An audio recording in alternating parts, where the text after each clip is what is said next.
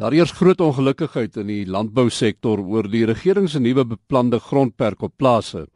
Die regering beplan glo om 'n perk van 5000 hektaar in te stel. Ons praat nou met die president van TLUSA, dis Louis Mentjies, Louis Moore. Môre Kobus en ook al die luisteraars. Eintlik moet ons daai ding net regstel want dis daar's 'n perk van 5000 op sekere plase, maar daar's ook dis eintlik 'n skaal wat hier intree nê wat hulle wil in afdwing. Dis reg ja, maar dit is maar ek dink miskien die punt van die ysberg. Dit gaan oor die pakkie wat hulle van praat en hmm. wat hulle op landbou in besonder wil afdwing. Hoeveel van die boere wat hierdeur geraak word uh, verteenwoordig TLUSA? Ek hoop is 'n wesenlike hoeveelheid en ek dink nie dit gaan net oor 'n boer wat hmm. 5000 hektaar en meer het nie, dit gaan oor 'n beginsel wat aangetast word en wat uh elke boer se regte aanpas en ek dink dit is die beginsel en ek dink dis kortliks vir ons gaan dit oor drie beginsels. Dit gaan oor die vrye markbeginsel, dit gaan oor privaat besitreg en dan moet enige plan moet ekonomies volhoubaar wees en as jy enige van die regering se planne meet of enige plan meet, behoort jy dit aan daai drie beginsels te meet. En as dit nie daai beginsels onderskryf nie, dan is dit 'n plan wat nie gaan werk nie. Maar die feit is as ons gaan kyk na hoe die uh, landbou verloop in Suid-Afrika dan is dit juis uh, die die manne wat nou wat wat groot kan boer wat uh, die meeste van die kos uh, in hierdie land vers, verskaf. Ja, goed, ek dink ons moet versigtig wees om om om dit ook te sê. Uh, jy weet dit is syfers wat nie heeltemal getoets is nie, maar hmm die belangrikheid vir landbou is dat elke persoon maak nie saak hoe groot of hoe klein hy is nie 'n bydrae lewer na landbou in landbou. En dit hy lewer 'n bydrae tot voedselsekerheid in die land en hy verskaf baie baie werk. Jy weet die ou wat op 5 of 10 hektaar uh, bestaan voer het ook mense in diens. En dit is die groter arbeidsmag van landbou. So ons kan nie net 'n uh, uh, plan fokus op groot boere nie. Natuurlik uh, gaan groot boere uh, baie daardeur geraak word. Ek ek dink die probleem is dat die realiteit van landbou vandag en ek dink in baie besighede is dat ekonomie van skaal geld en as jy nie groot genoeg is nie, kan jy nie wins maak hmm. nie. En met hierdie plan van die regering kyk hulle nie daarna nie. Weet daar's dis 'n plan wat uit die lug uit gegryp is. Nêrens het ons gekyk of hulle dit getoets het en gekyk hoe ekonomies volhoubaar is dit en wat gaan die impak wees op daai boer se besigheid. En dan moet ons die volgende faktor daar bybring en dit is die voorstel van die 50-50. Jy weet as jy 'n plaas in die helfte gaan deel, dan sit uh, wat, wat wat reeds op die op die grenslyn is en jy dan sit jy die mense wat jy sogenaamd moet bemagtig sit jy net in dieselfde knytang en die boer self as jy knytang nou sit jy met twee onekonomiese eenhede wat heeltemal uh uit die besigheid gaan val en 'n groot impak gaan hê op voedselsekerheid in die land. Wat gaan die implikasies wees? Wat wat dink julle gaan gebeur as hierdie plan afgedwing sou word?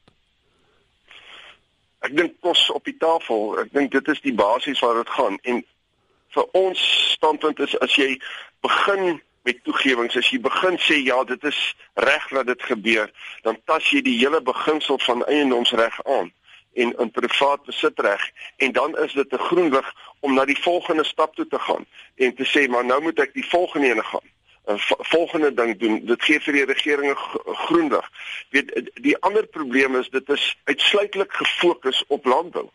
Uh landbou word uitgesonder. As ons dan sê daar's 'n beperking op op op 'n grootte van 'n eie van 'n besigheid en hulle praat ook op in 'n ander lyn praat hulle van omset. So nie net hektare nie, maar ook hmm. omset. So dis die gesprekke wat op hierdie stadium aangaan. En as ons gaan praat gaan omset, wat van die groot maatskappye in ander bedrywe word gaan hy op beperk word? En gesê jy mag nie 'n uh, uh, omset hê groter as 'n sekere bedrag nie. Dit is mos belaglik. Jy weet en hoekom dan landbou uitsonder? Ehm um, as ons praat van die 50-50 beginsel, hoekom in besonder landbou, hoekom nie jou huis, jou eiendom wat jy besit ook sê mag gee staan 50% af aan aan aan 'n ander groep omdat daar sogenaamd in die verlede iets verkeerd gegaan het nie. Weet hierdie goed is nie konsekwent nie en landbou word geteken en uh ons sê die regering is besig met 'n politieke proses. Hy daar's geen ekonomiese waarde of of of uh in hierdie hele proses van hom nie. Louis sê vir my uh daar is 'n vergadering gehou Vrydag uh die minister van landelike ontwikkeling en grondhervorming uh Gugile Quinty wat eintlik die man is wat met hierdie plan vorendag gekom het. Hy het 'n vergadering gehou met landbourolspelers. Julle is nie genooi nie. Hoekom nie?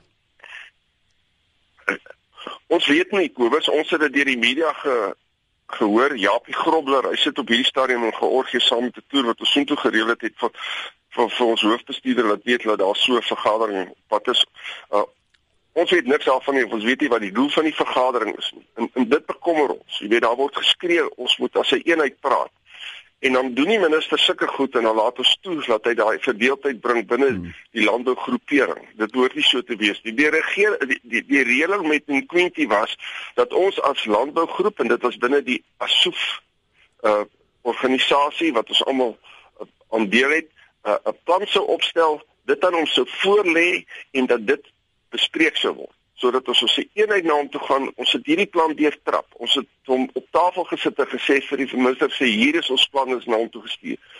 Hy ignoreer dit platant. Hy praat nie oor die plan nie. Hy's op sy eie weg. Hy in in hy wil hulle planne, die ANC se planne uitvoer. En ons glo dat hy kyk na die Freedom Charter, die Vryheidsmanifest, hy kyk na die nasionale demokratiese revolusie. Hulle kyk na hulle strategiese beplanningsdokumente en dit is wat hulle uitvoer. So hy skep 'n proses om rubberstempels te kry vir dit wat hy op die ou ende wil hê. In in ons as organisasie gaan nie 'n rubberstempel gee vir iets wat die land se ekonomie gaan vernietig nie. Watter watter stappe beplan uh, TLSA dan om om uh, te neem nou oor hierdie hierdie hierdie stappe van Quinty?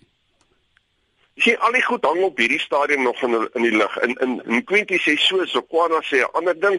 En Sokwana sê dit is nie wat daar gesê word nie. Hy gaan met Quinty praat om die onsekerheid uit te kry en dan volgende keer kom die president en hy uh raak 'n ander klomp goed kwyt uh wat niks met mekaar trou nie wat elkeen op sy eie staan. So jy weet nie waarop moet jy reageer nie. Ons sal hierdie ding uit laat uitspeel en kyk wat gebeur en wat hulle doen en op die ou ende hoe dit geïmplementeer en op grond daarvan sal ons 'n besluit neem. Ons regsmense kyk reeds na die ongrondwetlikheid van sekere aspekte en ons gaan nie nou betrokke raak in vir die regering sê maak dit reg en dit is verkeerd en dat is verkeerd nie. Ek ek ek gee vir hom dan dan 'n superwet, ek gee vir hom 'n super ehm um, beleid wat hy gaan uitvoer wat wat daar nie vir ons geleenthede gewees om teer te staan nie en so ons gaan wag dat die ding uitspeel en dan wanneer hy sy dinge verkeerd doen gaan ons hom definitief aanvat. Ons kan nie toelaat dat ons boere en ek dink jy sien net die boere in hierdie geval nie. Die hele land se ekonomie is afhanklik van landbou. As landbou fou, dan gaan die hele ekonomie daaronder lê.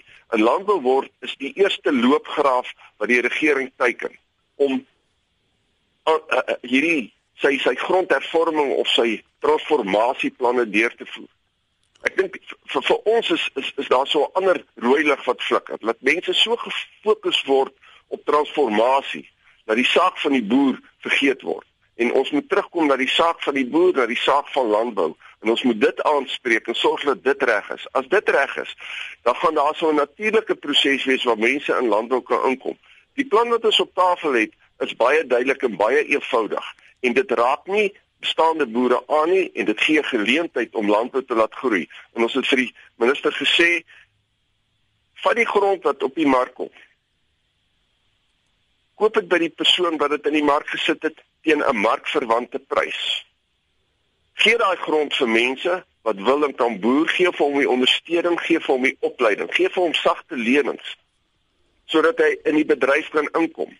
Help hom om in te kom sodat ons nie die grond uit produksie vat nie, maar in produksie hou ter wille van voedselsekerheid. En na 'n tyd natuurlik moet hy dan deel wees van die vrye markbeginsel en as die mark hom dan uitskop, skop hy hom uit.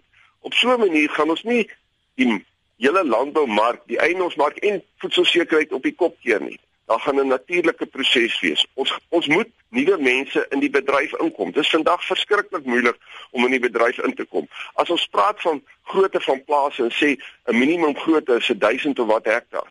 Om om om bank toe te gaan eenvoudig om geld te kry om dit te doen is nie 'n maklike storie nie. So daar moet vir hierdie nuwe mense ondersteuning wees en ons moet dit doen. So die plan is eenvoudig, maar die regering steur hulle nie daaraan nie. Hulle is op hulle eie pad en in die volgende jaar se verkiesing is op pad, die munisipale verkiesing. Hy het niks wat hy kan wys en wat hy kan aanbied nie. Al wat hy aanbied is elke keer grond. Ons gaan vir julle grond gee. En wat, wat ons ook kom maar die realiteite daar buite vertel vir ons wat besig is om te gebeur. Weet jy Matash het 'n week gelede en dit was groot in die koerante gesê, hulle wil nie meer vir die mense grond gee nie, want hulle verkoop die grond, hulle wil die geld nie. Dis die realiteit. So hoekom dan in 'n proses ingaan van grondhervorming en vir mense grond gee as hulle nie grond wil hê nie? Dit was Louis Mentjies, president van TLS, wat daar met TLU SA wat met ons gepraat het.